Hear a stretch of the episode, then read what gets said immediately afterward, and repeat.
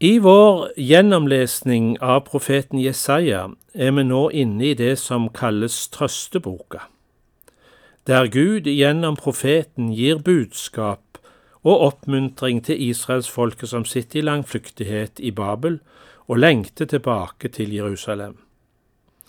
Her bekrefter Gud gang på gang sin nådige hjelp og beskyttelse, og ikke minst, folket minnes på hvem Gud er og hva han vil gi dem. For å få fram hvem Gud er, den suverene Gud, så tegnes det òg bilder av menneskelagde avguder og deres avmakt for å få fram en sterk kontrast. Vi skal nå lese kapittel 44, som er en slik beskrivelse. Men først skal vi gripe fatt i det som sto i slutten av kapittel 43. Her ble folket igjen minnet om fedrenes synder og sine egne synder, ikke minst det at de viste ringakt for Herren og den synstilgivelse Han vil gi. I de første versene vi skal lese i dag, så skinner igjen nådens lys, og Herren strekker sine vernende og hjelpende hender mot sitt folk. Han viser òg glimt av ei framtid der han vil øse sin ånd utover folket og denne åndens vannstrøm vil nå ut til folkene i verden. En mektig profeti om den åndelige arv gitt til jødenes folk, som òg ble tatt imot med ære og glede av folkene. Her i dette kapitlet møter vi òg et nytt navn på Israel. Jesurun, det betyr den oppriktige, og en fin beskrivelse av den troende. Vi hører versene 1-5 i Jesaja 44. Hør nå, Jakob min tjener, og Israel som jeg har utvalgt. Så sier Herren som laget deg og formet deg i mors liv, Han som hjelper deg. Vær ikke redd, min tjener Jakob. Jesjurun som jeg har utvalgt. Jeg øser vann over det tørste og bekker over det tørre. Jeg øser min ånd over din ett, og min velsignelse over dine etterkommere. De skal spire fram som siv i vann, som popler ved bekkefar. En skal si, Jeg tilhører Herren. En annen skal kalle seg med Jakobs navn. En skal skrive i sin hånd, Til Herren, og Israel skal han få som hedersnavn. Så får vi en ny beskrivelse av Gud som er kongen som løser ut Israel. Han er den eneste Gud. Han var med i gammel tid, og han vil være med i dagene som kommer. Frykt ikke, vær ikke redde, får vi høre i vers åtte. Det er en god overskrift på dette avsnittet. Vi leser versene seks til åtte. Den eneste Gud. Så sier Herren, kongen som løser ut Israel, Herren over hærskarene. Jeg er den første, og jeg er den siste. Det finnes ingen annen Gud enn jeg. Hvem er som jeg? La ham rope ut og fortelle legge fram for meg det som har hendt fra jeg grunnla det eldgamle folket.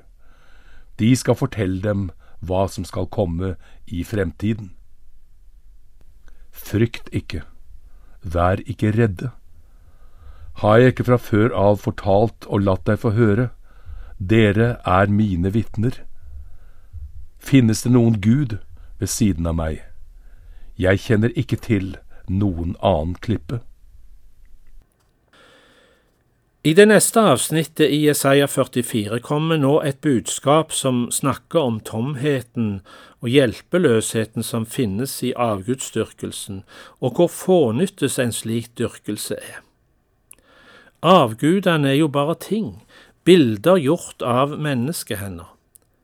Mange av israelittene var nok gått over til å dyrke de gudene som fantes i Babylon, og de trengte å bli oppfordra til å vende seg til Gud igjen han som er den levende Gud, han som ser, hører, han som reiser seg til hjelp og frelse for sitt folk. Nå leser vi versene 9–20 om gudebildene. De som former gudebilder, er alle sammen tomhet. De har glede av slikt som ikke hjelper. Deres vitner ser ikke, de forstår ikke, derfor blir de til skamme. Hvem former en gud og støper et bilde om ikke for å få hjelp? Alle som dyrker dem, blir til skamme, håndverkerne er bare mennesker. La dem alle samles og tre fram, sammen skal de gripes av skrekk og bli til skamme. Smeden tar meiselen og arbeider på bildet ved kullilden. Han former det med hammer og arbeider på det med sterk arm. Blir han sulten, har han ingen styrke lenger. Drikker han ikke vann, blir han trett. Treskjæreren spenner ut målesnoren. Han tegner et omriss med stift og lager et bilde med skavjern. Han tegner et omriss med passer og lager et bilde med form som en mann, et vakkert menneske det setter han i et hus. Han hugger ned sedertrær, han tar ut en sypress eller eik og lar den vokse seg sterk blant trærne i skogen. Han planter et furutre, og regnet får det til å vokse. Det skal være til brensel for mennesker.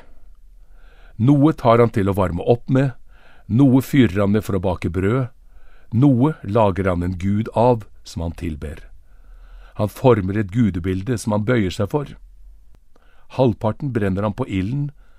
På denne halvparten legger han kjøttet han skal spise. Han steker det og blir mett. Så varmer han seg og sier, Og nå er jeg varm og god, jeg ser ilden. Resten lager han en gud av. Et gudebilde som han bøyer seg for. Han kaster seg ned, ber til det og sier, Berg meg, for du er min Gud. De skjønner ikke og forstår ikke. Øynene er klistret igjen så de ikke kan se. Hjertet også, så de ikke kan forstå. Han tar det ikke inn over seg. Han har ikke kunnskap og forstand nok til å si halvparten brente jeg opp. Så bakte jeg brød over glørne. Jeg steker kjøtt og spiser det. Så lager jeg noe avskyelig av resten. Jeg bøyer meg for en trekubbe. Han gjeter aske. Hans forvirrede hjerte har ført ham vill, så han ikke berger livet og sier, Er det ikke løgn i min høyre hånd? I kontrast til avgudene får vi nå enda en presentasjon av Gud, og det han er som en levende og tilgivende Gud. Han vil føre folket tilbake til Jerusalem, og byen skal bygges opp. Lytt til Herrens budskap. Ikke hør på orakler og språmenn og falsk visdom. Husk dette, Jakob, og Israel, for du er min tjener. Jeg har formet deg, du er min tjener Israel, du blir ikke glemt av meg. Jeg stryker bort dine lovbrudd som en tåke og dine synder som en sky. Vend om til meg, for jeg løser deg ut. Juble du himmel, for Herren har grepet inn. Rop av fryd, dere jordens dyp. Bryt ut i jubel, dere fjell, du skog med alle dine trær. For Herren løser ut Jakob, på Israel viser han sin herlighet. Så sier Herren, som løser deg ut og som formet deg i mors liv. Jeg er Herren, som har skapt alt. Alene har jeg spent ut himmelen, uten hjelp har jeg bredt jorden ut. Jeg setter orakelprestenes tegn ut av kraft, og gjør spåmennene til narr. Jeg driver vismennene tilbake og gjør deres visdom til dårskap. Jeg bekrefter mine tjeneres ord og gjennomfører den planen mine sendebud har forkynt. Jeg sier om Jerusalem, hun skal være bebodd. Og om byene i Juda, de skal bygges opp igjen, jeg skal gjenreise ruinene. Jeg sier til havdypet, bli tørt, jeg tørker ut strømmene dine. Dette gode og løftesrike kapittelet i Jesaja-boka avsluttes nå med noen merkelige vers. Her blir den kongen som skal befri folket fra deres fangenskap, nevnt ved navn. Kyros, perserkongen, er Guds utvalgte redskap, og han er den hyrden som sørger for at folket skal få reise trygt tilbake til Jerusalem, og han vil òg sørge for at byen blir bygd opp igjen. Gud handler gjennom han. Vi hører til slutt et utsagn om kong Kyros. Jeg sier om Kyros, min hyrde, som skal gjennomføre alt det jeg vil, si om Jerusalem, hun skal bygges, og om tempelet, det skal grunnlegges. I neste utgave av Bibelguiden skal vi få høre mer om Kyros som Guds redskap. Velkommen tilbake.